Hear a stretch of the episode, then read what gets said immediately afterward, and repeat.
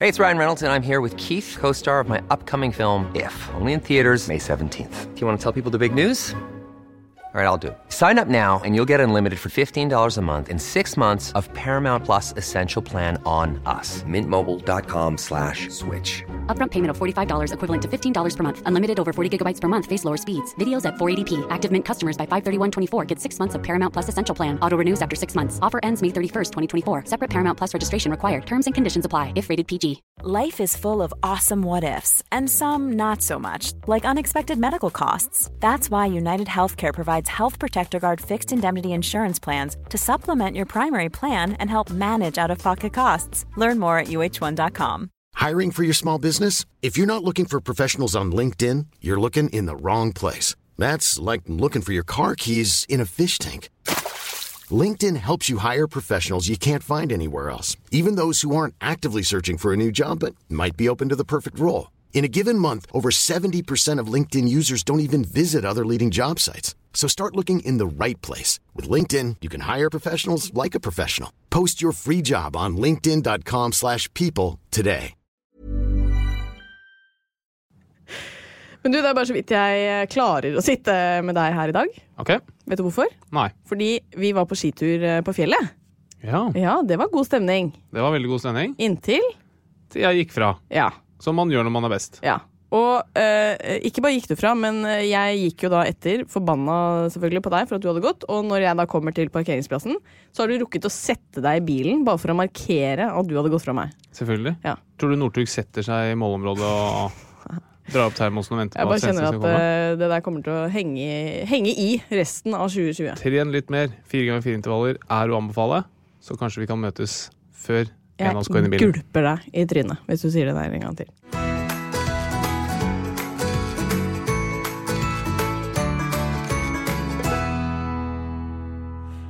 Hei og velkommen til en ny episode av Åpen journal. I dagens episode så skal det handle om eh, noe som eh, de aller fleste av oss opplever, eh, men i ulik grad. For det å oppleve sorg i løpet av livet, det er veldig eh, naturlig og vanlig. Enten det er pga. en eh, kjærlighetssorg, eller fordi man mister noe man er glad i, mister jobben.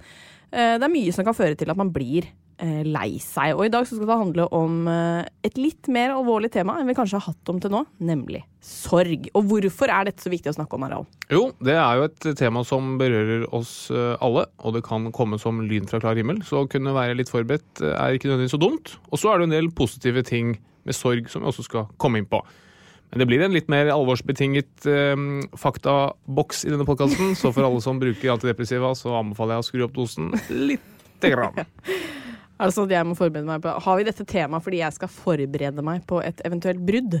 Det kan absolutt være. Ja, Det er ikke tilfeldig at det kom nå, liksom. Jeg vil også i denne podkasten lansere en ny spalte som heter Bruddet. Oi, den blir spennende. Ja. Den gleder jeg meg til. Um, men så skal vi også få besøk av eh, min eh, gode venninne, og jeg vil nesten kalle henne en podkastdronning, vil ikke du? Absolutt. Ja. Det er selvfølgelig snakk om Ida Fladen. ja. Og når Ida Fladen kommer, da tenker jeg vi kunne bytte ut eh, siste spalte i dag fra ukas helsetips til ukas helsetits. Nei, gud. Hva i alle tak? Det er jo utrolig useriøst å si. Ja, unnskyld, det beklager jeg. Jeg trekker. jeg. Herregud. Stryk det fra protokollen. Det er godt du kjenner Ida godt, så hun ikke tar det ille opp. Nei. Nei. Det er jo på mange måter et kompliment. Nei, absolutt det. Men jeg, jeg tar meg selv i det, at det var upassende, og det vil jeg gjerne beklage.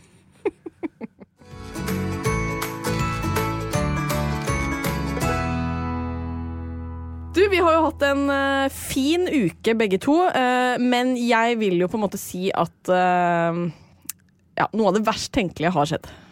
Ok.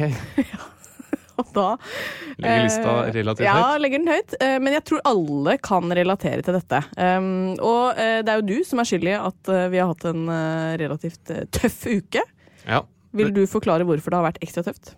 Ja, altså, jeg vil jo kanskje no- tone ned litt, grann, men, men eh, jeg syns absolutt det var en eh, prosess med bl.a. en del sor- sorg. Solo? Fordi vi ser jo Solo. Unnskyld. Vi ser masse TV-serier sammen. Vi er blitt ganske gode på det. Og har etter hvert opplevd en liten serietørke. Og Ja. Da var det min kone, Katarina Flatland Doble, som skulle stille opp med en ny serie. Og valgte da den fantastiske serien Shetland på NRK. Og det er altså en serie om en eh, etterforsker på øy, i øygruppa Shetland, Ja. nord for England, Ja. hvor hver episode varer i, hold deg fast, to timer. Og mesteparten av seriens innhold går på transportetapper mellom de ulike øyene. I took the boat to the small island. I'm taking the boat to the little bittle bigger island. Så det var en rimelig stang ut sånn seriemessig. Ja, det var en stang ut, men eh, det tok jeg selvkritikk på. Og så kom du tilbake og sa eh, hold deg fast, jeg har løst serietørkeproblemet vårt. Og funnet en ny serie som heter Outsider. Ja. Så begynte jeg å se på Outsider på HBO, som Ja. er en fantastisk serie som jeg virkelig kan Ja, anbefale. den er så spennende. Men det er et digert men her, Mm. og det er at det er bare kommet ut fire episoder. Og jeg trodde det hadde vi lagt igjen i forrige tiår. Ja. Mm. Dette med å ikke slippe alle episodene samtidig. Det var et Ja. enormt sjokk for oss begge. Ja, det er et normsjokk eh, og utrolig vanskelig å vite hvor vi skal gå herfra. Fordi det vi nå da har gjort, er å begynt på en eh, eksepsjonelt spennende serie. Hvor vi nå eh, må vente, fordi vi hater jo å se serier fra uke til uke. Så vi må vente til hele nå er gitt ut. Og da, da vil jeg estimere ca. åtte uker til neste gang vi kan se denne serien. Ja. Ja. Men eh, det kunne godt vært enda lenger. Jeg hadde allikevel ikke tydd til Shetland. ja, Si ikke det. Hva skal du se på de neste ukene da? Jeg skal i hvert fall se Shetland. Men det vi så, som Ja. var egentlig et fantastisk program, det var Jan Thomas søker drømmeprinsen. Ja. Og det jeg har em, tenkt litt på, det er at jeg kunne egentlig godt tenke meg å delta i det programmet. Hvis jeg kunne bare sette noen rammer, altså inngå noen em, rammer med produksjonsselskapet. Hva slags rammer da? Nei, altså, jeg tror det å være kjæresten av Thomas er ganske fint. Det tror jeg på. Mm, det tror jeg altså. Og så tror jeg en del ting av det som for meg ikke ville vært så fint. Ok. Em, jeg tror jeg kunne tatt en del kroppslig skade av det, for, å være helt ærlig. for jeg er ikke forberedt på mm, så mye mann som det han er. Men han er som varm, fin person. Ja, så han er liksom få nydelig den menneske. biten av det. Eh, Spise litt middag sammen, eh, candlelight eh, dates. se Trene på- litt sammen. Mm. Trene litt sammen. Det, Akkurat det kunne jeg veldig gjerne gjort som Jan Thomas sin eh, kjæreste. Kanskje han og jeg skulle starte en podkast som het eh, Jan Thomas og Harald blir mer enn venner. Men ikke helt kjærester. Det er jo en eventuelt eh, oppfølger til programmet. Jeg må bare si det at jeg var jo, Vi kjenner jo Jan Thomas litt, og jeg må jo si det at eh, jeg var litt sånn skeptisk til programmet. Eh, vi snakket jo om det på forhånd, at vi var litt sånn usikre på hvor, eh, hvor seriøst han tok dette. Om han var egentlig med for å finne seg en kjæreste. Og så var jeg ekstremt skeptisk til de som melder seg på et sånt program. Men fy søren, så fine folk. Ja, Det er virkelig en fantastisk eh, bukett. Ja, der blir man jo helt forelsket. Og hvis du har lyst til å date Jan Thomas, så har jeg lyst til å date Harlem, for å si det sånn. Ro ned nå. da. Brupp! Skrupp, skrupp! Er det ikke det kidsa sier? Lol.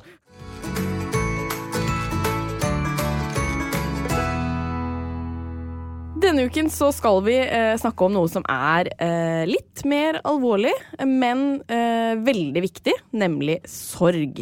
Um, og aller først, eh, Harald, hva kan egentlig utløse en sorgreaksjon?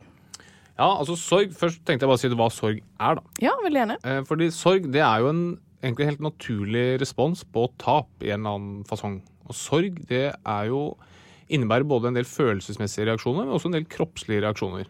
Og det er forferdelig smertefullt og eh, kan føre til både depresjon og andre tilstander som har en forlenget negativ virkning på livet. Og det er jo en følelse av alt fra meningsløshet og urettferdighet og angst i en forferdelig kombinasjon, selvfølgelig. Eh, Det norske begrepet sorg innebefatter jo veldig, veldig mye. Og eh, hvis vi ser på engelske ord for sorg, så er det litt mer eh, nyansert. Grief. For eksempel. Ja. Så du har jo, eh, det er i hvert fall tre ord da, som passer inn i det norske begrepet Å, sorg. kan jeg gjette? Ja, Grief. det er riktig. Sadness. Nei. Sad. Eh, er du på norsk eller engelsk nå? Engelsk. Engelsk, ja. Ok, grief. Sorrow. Ja. Og så ett til. ja. Sorrow er egentlig en, det blir et fjerde, da. Eh, nei, det vet jeg ikke. Nei, så Det som, som står i, i de oppslagsbøkene, det er jo Mm. bereavement. Aldri hørt om. Nei, Det er liksom en sånn slags eh, følelse av tap, eller at du blir liksom frarøvet eh, noe. Eh, Og så har du grief.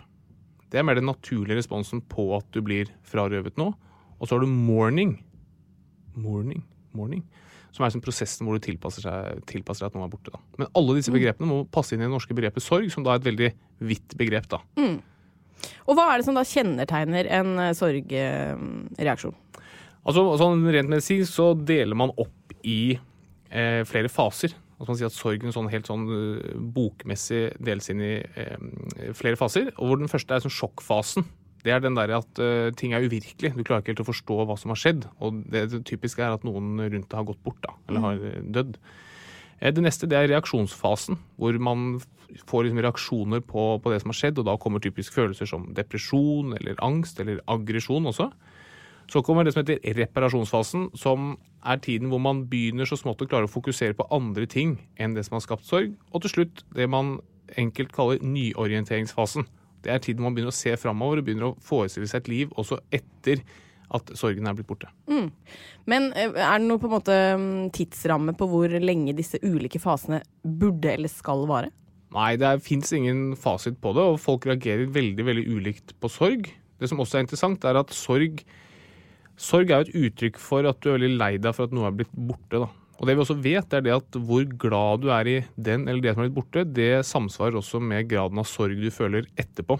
Gjør det det? Sånn at vi vet at foreldre som mister barn, føler mye større grad av sorg enn eh, når man mister sine foreldre. Og jo eldre foreldrene er, jo mindre sorg, fordi man anser det som en mer naturlig del av, av livet.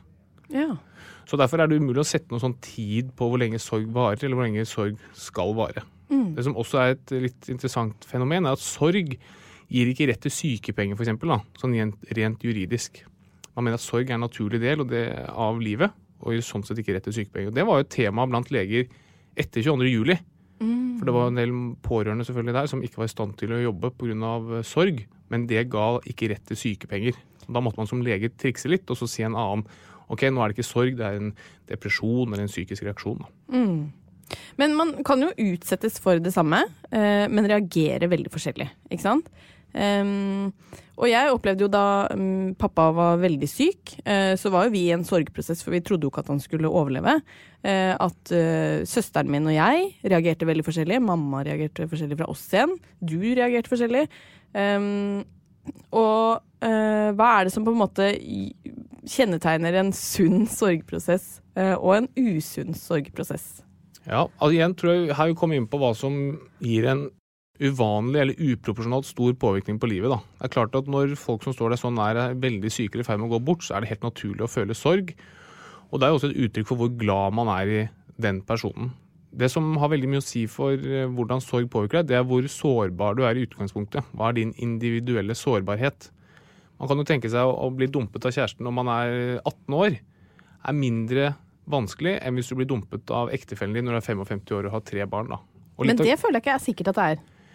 det kan du si, altså eh, det er ikke noen sånn fast regel på det, selvfølgelig, men, men du har en, som regel en veldig annen mulighet til å komme deg når du er 18 år. Da er det liksom, du er supersosial, du har masse venner, det fins mange av det motsatte kjønn som du kan eh, hekte deg på. Er du 55 år og har tre barn, så er konsekvensene kanskje høyere. Det er vanskeligere å finne seg en eh, ny partner, det har større konsekvens på livet for øvrig. da. Og så er det selvfølgelig individuelle variasjoner som gjør at noen tar det lettere enn eh, enn andre. Og det fins ikke noen sånn god fasit på det. Jeg vil gjerne stjele et begrep fra en av mine undervisere på studiet, som sa at um, en god behandling er først og fremst en individuell behandling. Det betyr rett og slett at du må se litt hva slags menneske er det vi har med å gjøre. Hvordan er det du takler din sorg best mulig? Men dette med kjærlighetssorg er jo interessant, fordi eh, de fleste av oss har opplevd det. eh, og eh, veldig mange sier jo at det er liksom noe av den, nesten det vondeste du kan oppleve. eh, og at det kan nesten sideside, sidestilles med å, å miste noen du er glad i, da. Ehm, og hva er det som er liksom vanlig tegn på en ordentlig kjærlighetssorg? Kjærlighetssorg har jo mange av de samme likhetene, eller mange av de samme trekkene som med vanlig sorg. Og det er jo egentlig det som skjer, at du, du mister noen, da. Det som ofte assosieres med kjærlighetssorg, er en sånn belemring. At du begynner å tenke på hva jeg gjorde galt, hva kunne jeg gjøre annerledes. Som også er assosiert med mange negative følelser. Så sånn sett kan det jo være en mye sterkere grad av skyld oppi det hele, som eh, kan oppleves vanskelig på toppen av eh, sorgen. Hvis du har en, en, eh, en nærstående som går bort, så er det jo en har følelse av urettferdighet og hvorfor skjer dette her? Mens med kjærlighetssorg så retter du mye mer av disse følelsene innover. da. Hva var det jeg gjorde galt, hva kan jeg gjøre annerledes? Som også er forferdelig vonde tanker og følelser å få. Og så har du jo noen som reagerer på å bli dumpet med å begynne å trene masse og ut og ligge med mange av det motsatte kjønn, eller samme kjønn for så vidt. Eh, mens andre blir bare helt apatiske og tenker at nå er livet over, nå er, eh, nå er det ikke lenger noe mening med mm, å gjøre det jeg gjør. Har du hatt kjærlighetssorg? Ehm, ja, det har jeg vel hatt. Men det er Ja, men da har du heldigvis- ikke hatt det, tenker jeg. Nei, det kan du si. Faktisk. Men jeg har jo vært, hatt et eh, fantastisk kjæreste i det siste, eh, Ikke prøv å smiske nå. eh, som gjør at alt før det er jo bare glemt. Ja, men ehm, Jeg var jo nonne før jeg møtte deg. Særlig. Eh, nei, men jeg har jo faktisk eh, opplevd kjærlighetssorg flere ganger, jeg. Men, eh, men jeg husker at jeg hadde kjærlighetssorg da mamma hadde kreft. Ja. Ehm, og hun er jo et av de klokeste menneskene jeg vet om. Jeg husker, for jeg husker at jeg slet veldig med at jeg Jeg var selvfølgelig fryktelig lei meg over at hun var blitt syk, men jeg var også fryktelig lei meg over at jeg hadde blitt dumpa. Ehm, og så husker jeg at liksom hun anerkjente og sa til meg Men du må, liksom, du må ikke ha dårlig samvittighet for det, for det å ha kjærlighetssorg eh, er vel så vondt som det å liksom være redd for at jeg er syk. Og liksom det, det For, for det som skjedde, var at du ble dumpet mens moren din var syk? Ja. Eller rett før moren din ble For syk? en dust, når jeg tenker på det nå. Ja, han typen, ja. ja, ja, Mm. ja. Relativt dust. Um, nei, men og det, det husker jeg liksom Det sitter veldig i meg, Fordi da eh, husker jeg på en måte at jeg klarte å sammenligne de to følelsene, og det var liksom nesten like vondt, da. ja og så er det jo gjerne assosiert med enda flere følelser, for du begynner kanskje å få dårlig samvittighet for at Mm. du tenker på deg selv og på dette med moren er syk, så det er jo for- forbundet med en hel haug av sånne vanskelige følelser å, å stå Mm. i. Og jeg tenker det med eh, kjærlighetssorg og annen type sorg må jo være veldig eh, vanskelig for folk, fordi man vi er jo liksom i et samfunn hvor vi hele tiden skal levere. Du skal levere på jobb, og som du sier, det er jo ikke noen grunn til å være borte fra jobb. Ja, det sier jeg, men, men så sånn eh, Ja, det er ikke en juridisk eh, grunn til å være borte fra jobb, da. Ja. Men hva vil du si til folk som eh, kjenner at liksom, nå tar sorgen helt overhånd? Det jeg vil si bare sånn på generelt grunnlag, er bare å be om hjelp. Altså, det finnes så mange folk rundt deg som kan og vil støtte deg. Det beste er selvfølgelig nærstående, familie, venner osv. Men man kan også gå til fastlegen sin, f.eks., som kan ha et eh, knippe med gode verktøy. Igjen, det er veldig individuelt hva som hjelper, og du må hele tiden se an den personen som eh, har denne sorgen. Hva er liksom de styrkene vi kan eh, spille på her? Sorgen skal jo ikke alltid behandles, eller man skal ikke bli kvitt den. Og noen ganger så kan det være ganske viktig, bare for at du dette er forferdelig vanskelig. Uansett hva jeg sier eller gjør, så blir vi ikke kvitt det faktum at dette er vanskelig. Nå, nå skal du ha det vanskelig. Nå skal du gråte, så skal du tenke på hvor vondt og ille det er. Men kanskje vi kan snakkes igjen om en uke eller to, og så skal vi se om ting kjennes litt bedre. Kan man dø av kjærlighetssorg? Ja, det kan man faktisk. Og det har vi ganske gode tall på. Det ser vi at eh, sorg det gir en økt mortalitet, altså økt risiko for å dø. Og én ting er at man har faktisk økt risiko for å dø av hjerte- og karsykdom og kreft i tiden etter sorg. Og man ser også at når, eh, når en ektefelle dør, så har den andre ektefellen, altså den gjenlevende ektefellen, har en veldig høy økt risiko for å dø i eh, opptil et år etter at den ektefellen har gått bort. da. Som er litt trist, men også litt Mm. fint. da. Og vi hadde snakket om det, at hvis du hadde gått bort, så hadde jeg klart meg en langhelg. ikke sant? Og Kjøleskapet var tomt, så hadde jeg Men, eh, men Ja. Mm. sånn eh, f- eh, fra spøk til alvor, så, så er det altså mulig å dø av sorg. Det fins også et, em, en egen medisinsk diagnose som heter broken heart syndrome. Eller takotsubo. Et annet Mm. Ja, det er begrep. min favorittdiagnose, det. Yes, der Ja. ser du. Da kan kanskje du fortsette å fortelle hva det er for noe. Ja, men hjertet får vel i hvert fall en krukkeform. Så skjer et eller annet med hjertet. Ja. Men eh, broken heart, ja, hva skjer da? Nei, Det som skjer, er at du får egentlig et slags hjerteinfarkt uten at blodforsyningen til hjertet er forstyrret. da. Så det er en sånn stressreaksjon som man kan få f.eks. ved akutt sorg eller kjærlighetssorg, som gjør at hjertet bare svikter, og at du dør av det. Så Det er broken heart syndrome, og det er en måte du kan dø av sorg på. Litt trist, men også litt fint. Men dette med at eh, man har stor risiko for å dø dersom du mister en ektefelle, gjelder det alle aldersgrupper? Ja, det gjør egentlig det. Man er jo, igjen så har dette å gjøre med sårbarheten du har i utgangspunktet.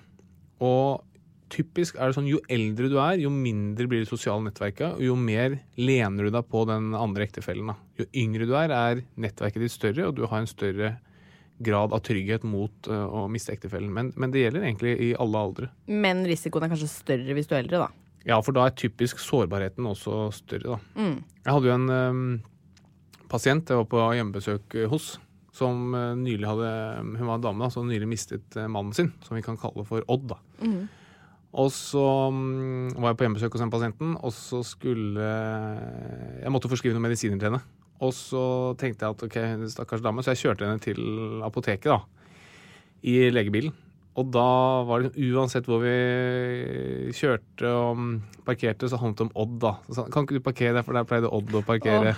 Og så, ja, kan ikke du bære posen, for det var alltid Odd som Nei, bar posen ut nei, her. Og det var så forferdelig vondt. Ja. Men hun taklet det ganske bra, men det var helt åpenbart at denne Odd det var, det var bærebjelken i hennes liv. da. Mm. Lurte på hvordan hun skulle ordne middag, for det var alltid Odd som lagde middag hjemme. og- Nei, det var, det var ganske tøft. Ja. Nei, det er vanskelig å liksom vite hvordan man skal gå videre fra dette, egentlig. Fordi, eh, fordi sorg er bare noe sånn forferdelig trist og vondt. Samtidig som vi alle kommer til å oppleve det en eller annen gang i løpet av livet. Og livet må jo fortsette. Ja, og det igjen vil bare prøve å snu det til, eller at man kan tenke det på. Hvis man blir litt sånn trist og nedfor av å tenke på disse tingene, så tenk at det betyr egentlig at du har det gan- ganske mye fint i livet ditt som du er redd for å miste. Og hadde det ikke vært mulig å miste ting, så hadde man ikke vært så glad i det heller. Så hvis du blir litt eh, nedfor av dette her, snu det og tenk på hva er det du ville vært forferdelig lei deg over hvis du mistet, og så blir du glad for at du har det i livet ditt. Ja, den er fin.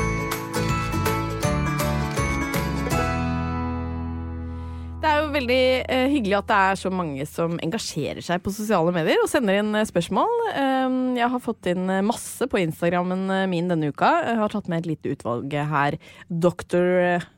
Harold, Yes, are you ready? yes, are we on Shetland now? Yes, we're on Shetland now. Men det første spørsmålet kjenner jeg meg faktisk veldig igjen i. Er du klar for det? Veldig klar. Hei, samboeren min klager Ikke sant, du skjønner jo hvorfor jeg kjenner meg igjen her ja. Samboeren min klager på at jeg drikker for lite vann Helsemyndighetene anbefaler jo to liter om dagen Jeg drikker vesentlig mindre Men har ingen ubehag Hvorfor bør jeg da drikke mer hvis jeg har det helt fint? Et fantastisk spørsmål. Ja, det vil jeg er faktisk så si. glad jeg får dette Er du spørsmålet. det? Ja, faktisk.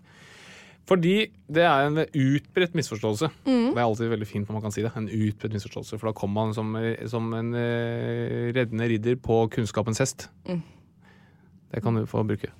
Eh, men det er det at det er helt riktig at vi trenger sånn mellom to og tre liter vann i døgnet. Det er helt riktig. Men veldig mye av dette her kommer inn gjennom maten. Over en liter av denne væsken kommer inn gjennom maten vi spiser. Ikke sant? Så du må ikke drikke 2,5-3 liter om dagen. Du må få i deg 2-3 liter væske i løpet av dagen. Meste kommer gjennom eh, mat. Sånn, da har du d- En drøy liter kommer inn gjennom maten. Da har du si 1-1,5 liter igjen. Ja. Så drikker du et par kopper kaffe, et par kopper te eller lignende. Da er det ikke mye igjen. Nei, men jeg er jo aldri tørst Med mindre jeg liksom har eh, løpt Som jeg gjør hele tiden Nei da, jeg snikskryter ikke her Nei, men hvis man løper i varmen liksom Da kan jeg bli tørst um, Men ellers så er jeg aldri tørst Ja, Bare for å arrestere deg der, for det er også sånn vi leger er veldig glad i. Folk sier jeg, jeg, jeg får ikke feber eller jeg blir aldri tørst. Det bare stemmer ikke. Jo da For det du indirekte sier, er at hvis ikke du hadde gått og husket på å drikke, så hadde du dødd av dehydrering. Og det kan jeg fortelle deg med en gang, det hadde ikke skjedd. Vi kan godt gjøre et lite studium. Ikke drikk med mindre du er tørst, skal vi se hvordan det går. Ja.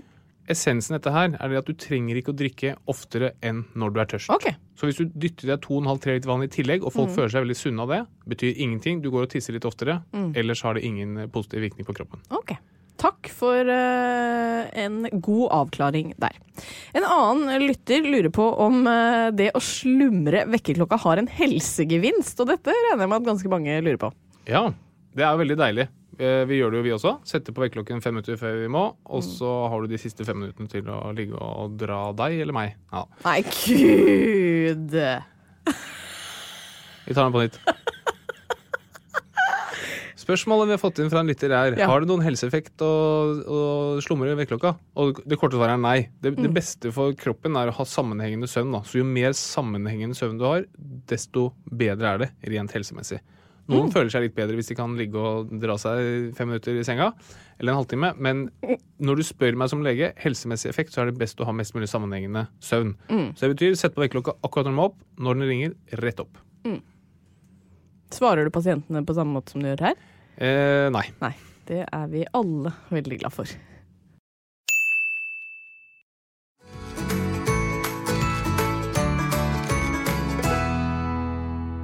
Og med det så har vi fått eh, besøk av ukens eh, gjest, som er ingen ringere enn selveste podkastdronning Oi. ja, og god venninne av meg, Ida Fladen. Hei! Hei! Jeg syns det er så koselig at du sa god venninne. Det er veldig hyggelig. Ja, Og, jeg er mest opptatt av er vi fortsatt venninner etter forrige helg. eh, vi er venninner, det er vi, vi, men vi var bedre venninner før forrige helg. Det, Vi er ikke nære egentlig nå. nei, vi er ikke veldig close. Nei. Det er vi ikke. Snakker vi om den store fjærkampen? Ja, Vi må kanskje ta folk med på riden, for å si det sånn. Jeg tror nesten jeg, kanskje jeg kan fortelle, for jeg satt jo litt utenfor. Ja, gjør det. For jeg har jo en kone som er relativt glad i å vise seg fram og bruse med fjæra. Noe Ja hun vel. fikk gjort i en veldig bokstavelig forstand eh, forrige helg. For vi skulle da på et eh, arrangement, eller en såkalt eh, fest, hvor man skulle kle seg ut litt. Grann. Man kunne ha på seg litt som minte om 1920-1930-tallet. Ja, det Ja, var en Great Great Gatsby. Gatsby. Rett og slett Great Gatsby. Ja, og da hadde min kone valgt en, eh, en hodepryd av dimensjoner, som rett og slett besto av fjær fra et sted mellom 11 og 1200 fugler, sa du det som. Det Ja. var altså en enorm og veldig stilig hatt, da, eller hva man skal kalle det. Yes. Og så vi sitter og spiser middag og hygger oss, og så får vi beskjed om at nå skal Ida Fladen komme og få være med på dette her.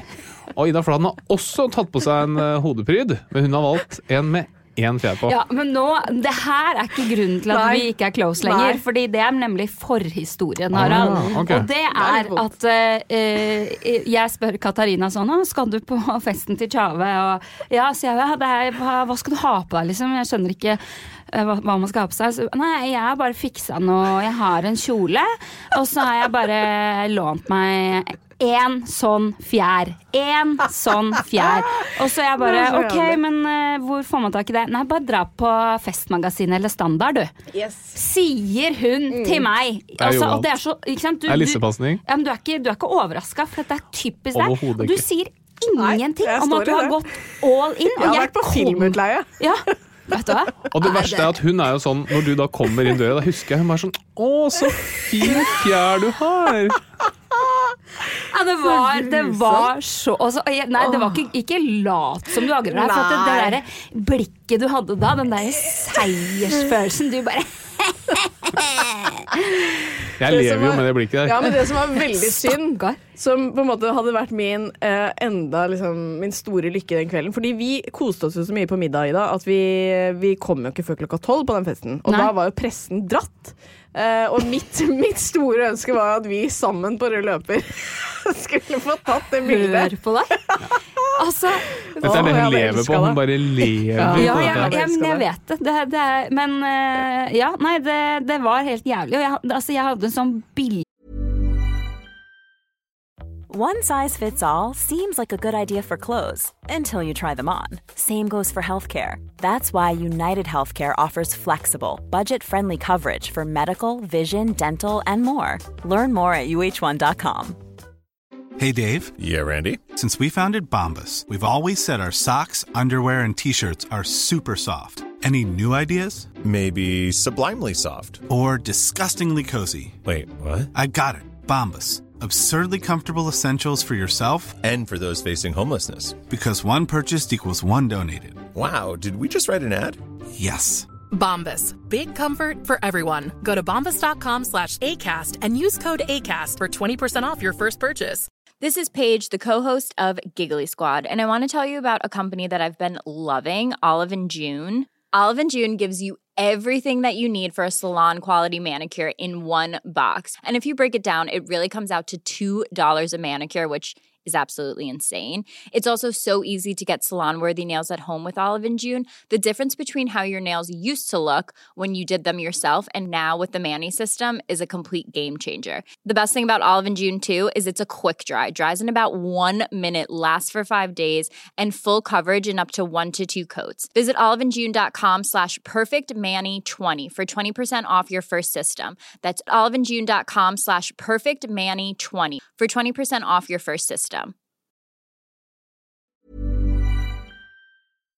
paljettgreie. Du bare «Men herregud, det er ikke så farlig. Bare, bare kjøp noe på standard, liksom. Det, det, holder. det er mer enn nok. Jeg har bare en gammel kjole. En gammel Ja, kjole. den var gammel. Mm. Ja, det skjønner jeg. Men du kunne også sagt at som, som er helt perfekt for Great Gatsby, som bare er sånn Hun var jo ute på kostymelageret på Jar og Ja. leide utstyr for 1000 spenn i Ja, tillegg og til det var kjolen. bare aksessoarer.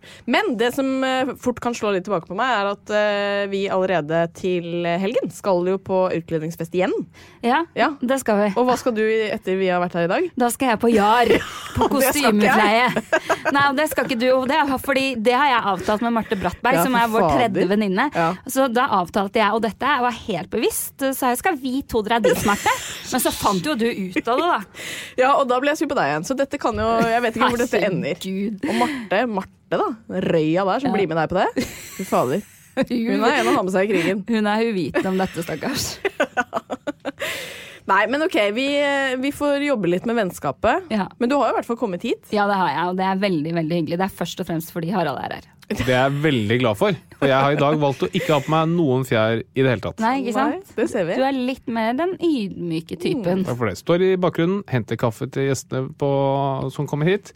Gjør det jeg blir bedt om. Men vi må jo ta eh, en liten sving om innom eh, podkasten også, som du på en måte eh, har delt eh, Du har jo delt en del om ditt eget eh, kjærlighetsliv der. Det stemmer. Eh, og det deler du jo for så vidt. Du deler jo mye av livet ditt eh, generelt på sosiale medier også. Ja, jeg gjør det. Ja. Jeg gjør det. Ehm, aller først, jeg vet jo det Harald vet kanskje ikke. Hvordan går det med kjærlighetslivet om dagen? Nei, det er jo steindødt. Ja, det er jo Hvis det er et ord. ja, det er helt eh, Der skjer det ingenting. Nei. Ingen, det må være noe date, eh, Nei, det Ing? er ikke det heller, skjønner du. Hvorfor ikke? Eh, jeg, jeg- vet du hva, Det er så godt spørsmål, det har vi ikke tid til å gå inn på. For at jeg har ikke noe svar. Jeg vet ikke, jeg tror det er ganske komplekst. Men jeg er keen på å date. Mm. Eh, men Nå det- ser du veldig intenst på meg. Er Ja. det tilfeldig?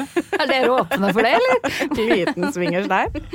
Eh, nei, nei, så det er der, der skjer det virkelig ingenting.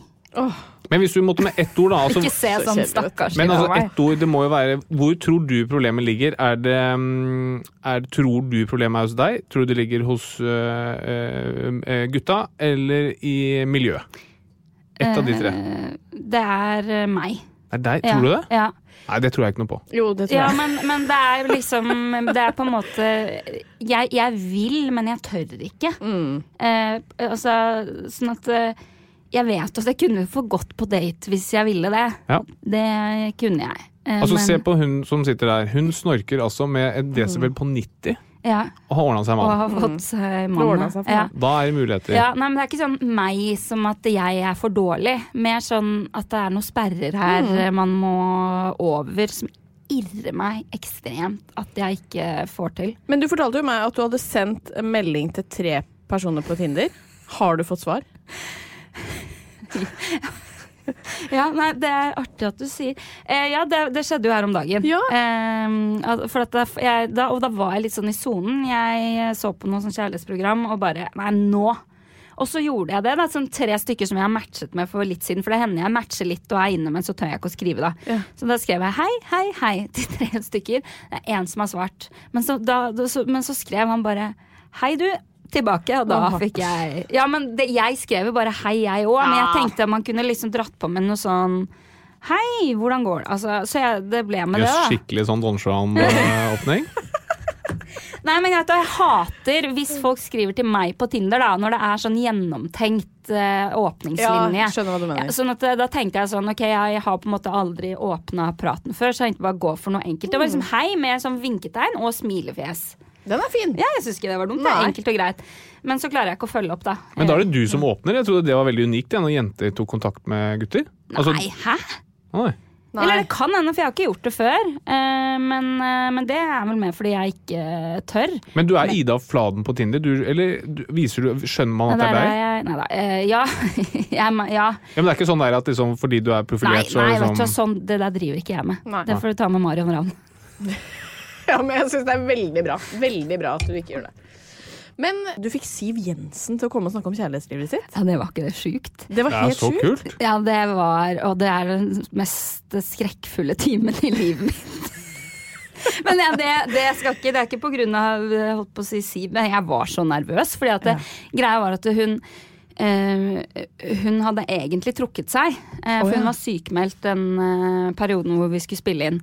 Og så kommer det så var det sånn, ok, jeg var litt letta egentlig, fordi jeg var litt nervøs for den innspillingen. Så kommer det så kontrabeskjed dagen før sånn, Siv kommer i morgen likevel. Jeg bare, Mm. "Øh." og da følte ikke jeg at jeg hadde fått forberedt meg nok. Altså, På møte finansministeren, liksom. ja, selveste. Og hun er jo, liksom, hun er jo streng. Ja, ja. Og det var hun in real life også. Hun var liksom ikke noe sånn jabbing her.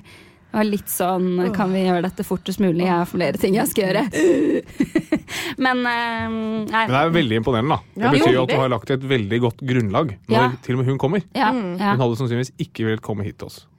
Nei, det Nei da. Jeg tror ikke det. Ikke enda. Jeg tulla. Jeg tulla Nei, men det dere må tror jeg jo faktisk ikke, Harald. jobbe litt mer med grunnlaget. Jeg vet og så det, vi må kommer det. Mm. nok Siv rekende etter hvert. Du, er, du, er du bitter for at ikke du har vært gjest i den podden? Ehm, altså, skal jeg være helt ærlig? Relativt. Ja, men du vet hvorfor. Jeg jeg har en liten anelse. Ja, det er jo fordi at jeg orker ikke å sitte i én time og bare Å, det er perfekt! Å, det er perfekt! Og sånn var det! Og det Nei. var så lett! og vi- Men det, det er for bra, og det er jo et eh, kompliment. Da. Ja, vi Altså, det deler er ikke det dårlige, vi, vet du. Nei.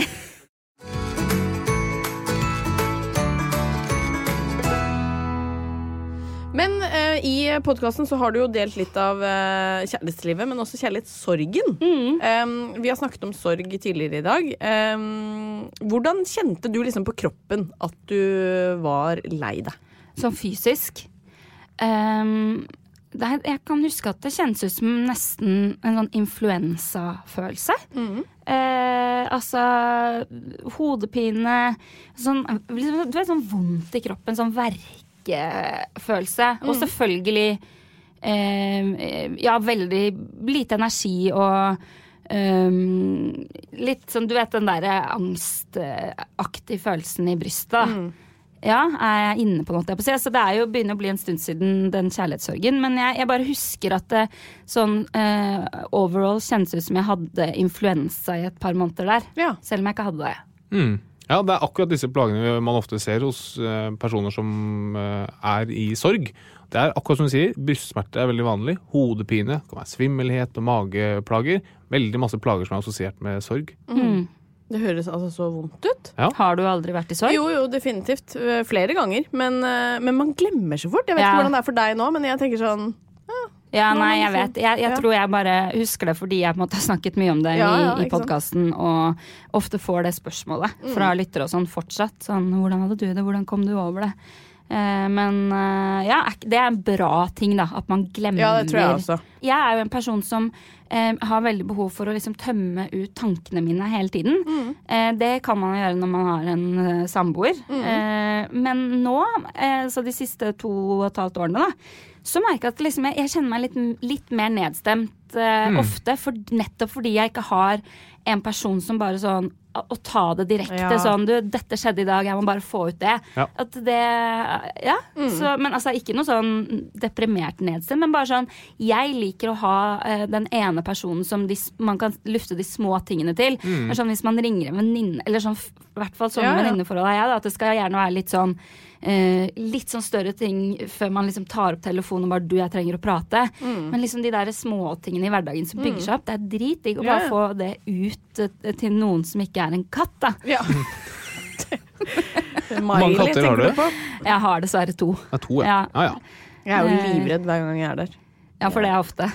Ja, men Du de er re- renner ned dørene hos meg, du. De gangene jeg er der, da er det Nei, det, katten. er du redd for katter? Jeg er ikke veldig glad i den, nei. Nei, den er, de er ikke noe jeg er redd for. Nei. Det kan jeg bare si meg. Men vet du hva, jeg vil helst ikke snakke om de kattene. Nei. Jeg jobber så hardt nå for å bygge opp et image Bra. uten katter. Veldig bra. Det går jo ikke så bra. Men nå De lar er vi ikke det med på ligge. Tinder-profilbildene dine. Absolutt ikke. De har ikke figurert i sosiale medier på Overhodet? Jo jo, men det er lenge siden nå. Dette er jo også en podkast hvor vi eh, snakker om eh, litt sånn lege... Vi snakker eh, om legeting. Gjør vi ikke det? Jo. Så eh, det jeg liker å spørre liksom, gjestene våre om, er jo hvor ofte liksom, går du til legen? Er du sånn som liker å gå til legen med den minste ting? Nei, jeg liker, eh, jeg liker ikke å gå til legen i det hele tatt. Men det tror jeg er fordi jeg har litt sånne her dårlige erfaringer med leger, og da særlig fastleger. Ja. Eh, Men det er, for- er- jeg har nok vært uheldig da, Ja. opp igjennom med um, ikke så Altså dårlig på medmenneskelighet, da. Mm. Eh, og den eh, derre eh, ja, du får være der inne i fire minutter greia, som gjør at eh, jeg føler at jeg ofte går derfra uten ordentlig svar, og da, ja. Eh, men jeg har vært mye hos legen. Altså, jeg har jo eh, hatt den her krystallsykedriten i snart 20 år nå. Så før jeg fikk den diagnosen, som faktisk kanskje bare er fem år siden, eh, så var det jo veldig mye inn og ut til forskjellige leger for å prøve å finne ut av hva den svimmelheten var. Ja. Eh, så jeg har eh, Ja, var, var mye hos legen tidligere. Eh, ikke så mye nå lenger. Jeg sjekket faktisk før jeg skulle hit, og da Ja, ja. var det det var vel to år siden sist jeg var Å, her. Ja, ja. Det er ganske bra. Ja, det er ikke så verst, det. Nei, men det er jo veldig eh, klassisk det eksempelet du kommer med her. Når man har sånne helseplager som f.eks. svimmelhet, Mhm. som noen vil kalle liksom, diffuse helseplager som er vanskelig å finne ut av hva er for noe, så Mhm. møter veldig mange ofte den reaksjonen du beskriver. da. Ja. At legene kan oppfattes litt sånn arrogante, Mhm. eller man kan komme til en spesialist og si at nei, dette er ikke mitt bord, du må ja, bare videre. Du blir bare uten at sendt du får videre det svaret, og da. videre og videre. Ja.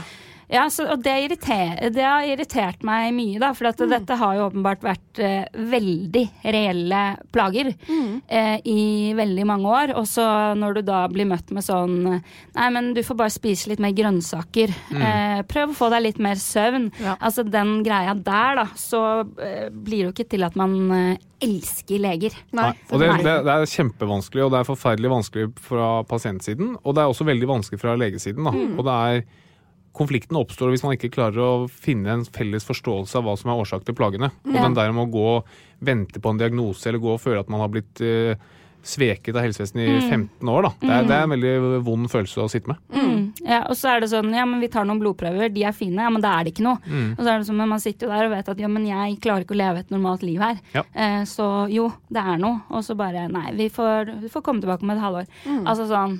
Men har du hatt noen gode opplevelser med lege, da? Eller flaue Em, opplevelser? Flaue har jeg Ja, det har jeg jo. Ja, det kunne jeg nesten tenke meg. altså, det var, eh, det var en gang jeg eh, skulle til fastlegen min, dette er noen år siden nå.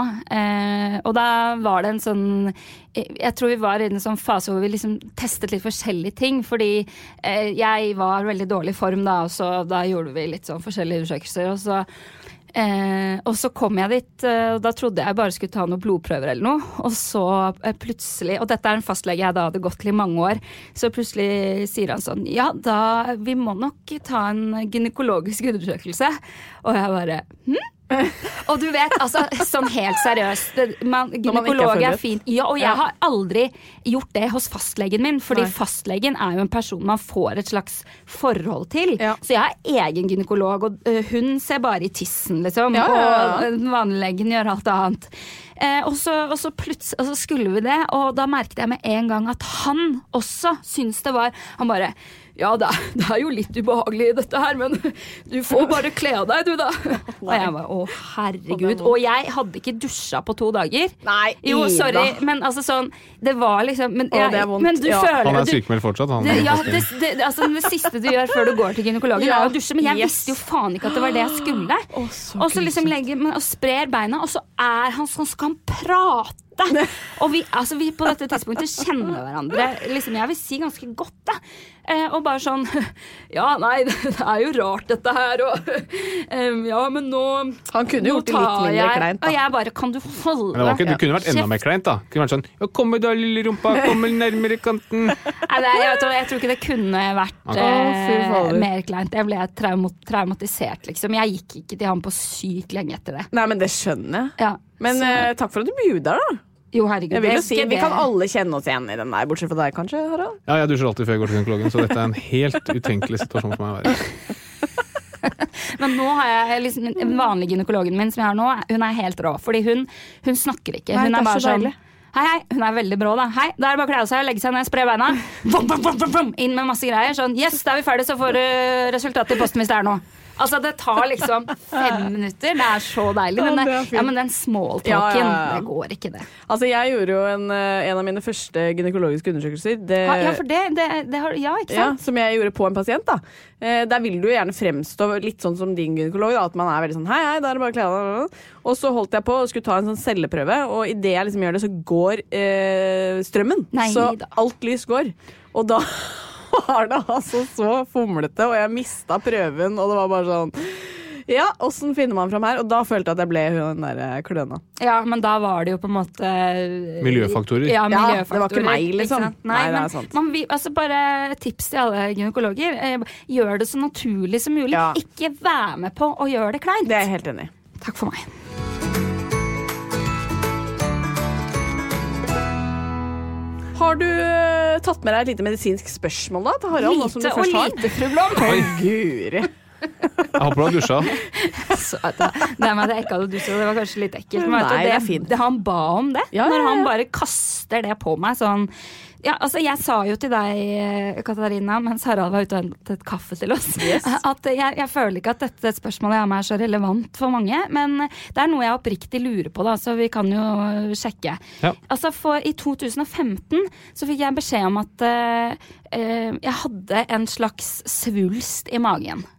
Eh, som tydeligvis var sånn ikke farlig, da. Eh, verdt å, men så er jeg sånn, det skulle være på størrelse med en liten tennisball.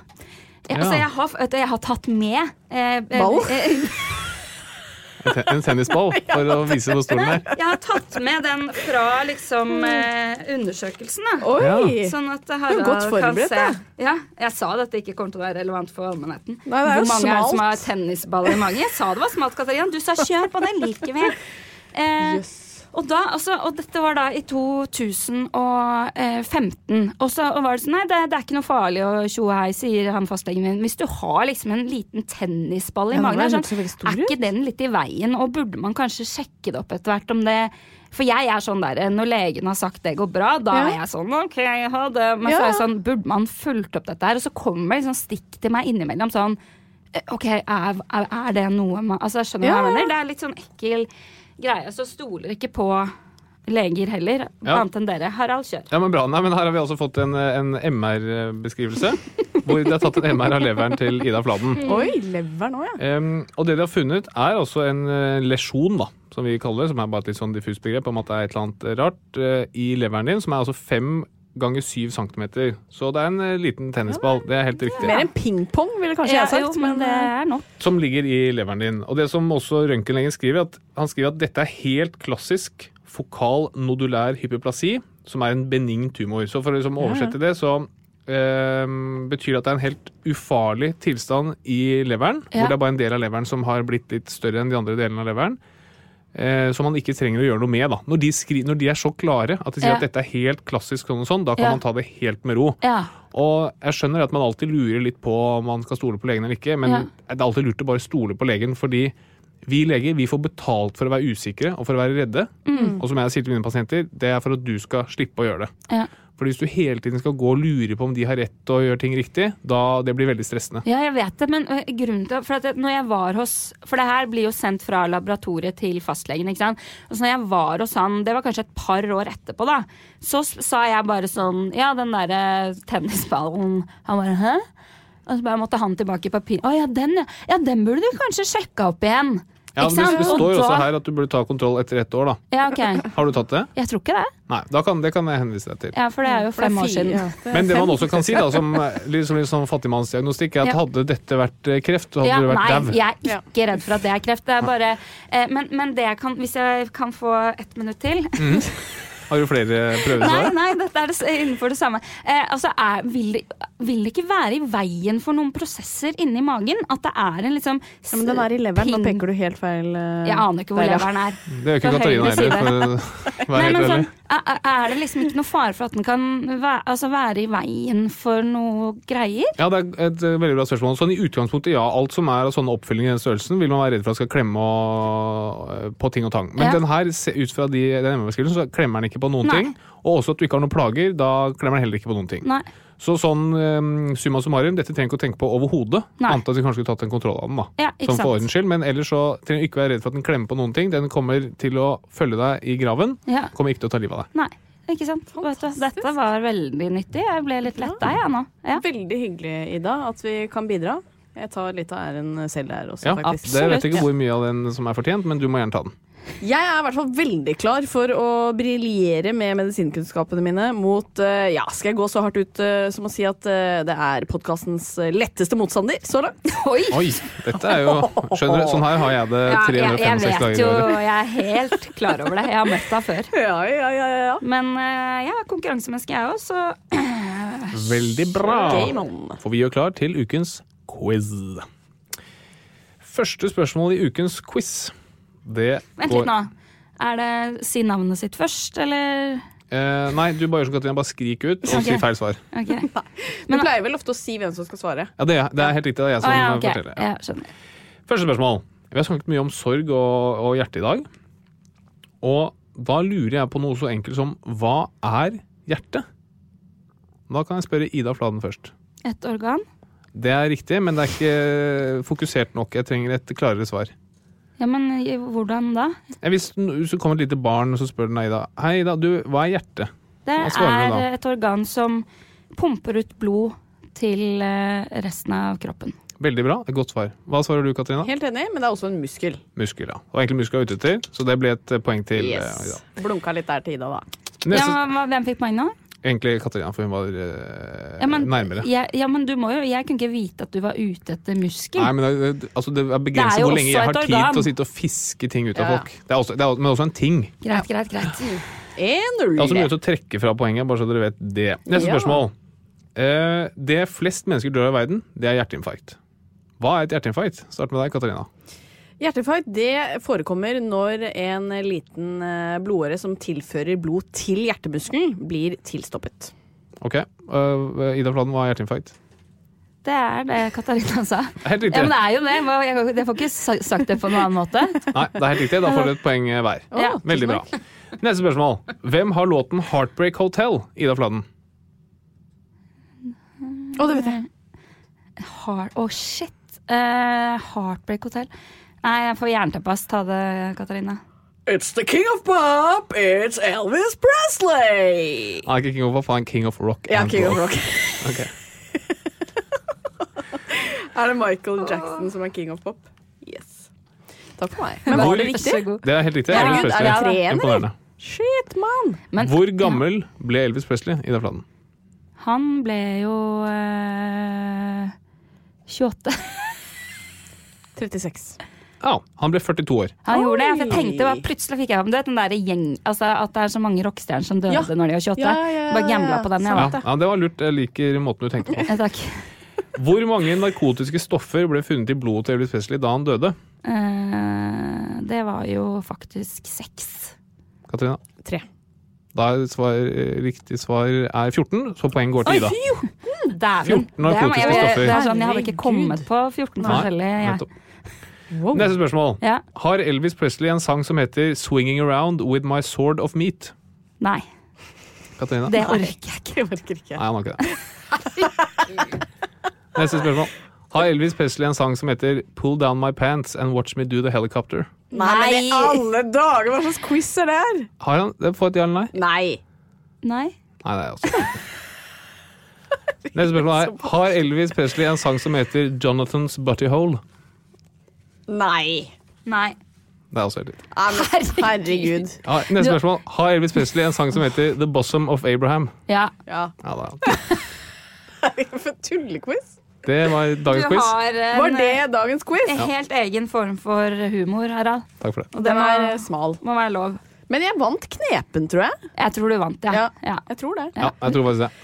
Hun har kommet seg jo veldig i siste episoden. fantastisk eh, at jeg tar det på en eh, helikopter eh, et Den var sterk. helikopterspørsmål, rett og Den var slett. Mm. sterk. Yes. Du, veldig koselig å ha deg her, Ida. Jeg føler vi har fått rydda opp i litt medisinske tilstander og diverse spørsmål. Jeg har også blitt eh, litt nærere venninner igjen. Etter, ja, Ja, det Syns er du ikke det? koselig. Husker stemningen har eh, uppa seg lite Ja, grann. Og så blir vi uvenner igjen når du nå drar og leier kulere kostyme enn meg. Ellers så kommer hun med en MR-beskrivelse neste gang som viser en, eh, en lesjon som er enda større enn en tennisball i magen. Ja, ikke sant? Ja, det hadde vært dårlig gjort av meg. Men vi skulle ha et helsetips, skulle Ja. vi ikke det? Yes, det skal vi. Eh, og Da er vi litt tilbake til det seriøse igjen. Men eh, vi har snakket mye om sorg og hva det er for noe. Mm. Og for å oppsummere veldig kjapt så handler det om følelse av eh, tap over noe man er veldig glad i.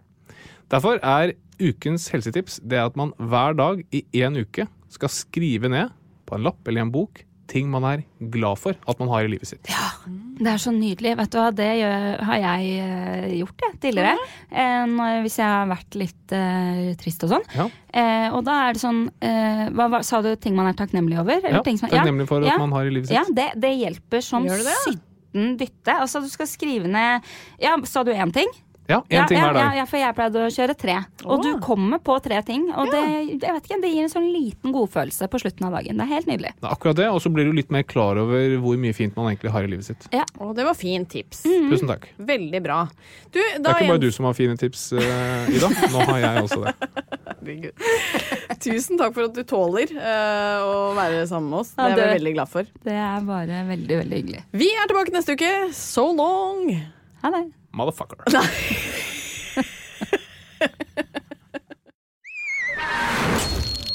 plan B.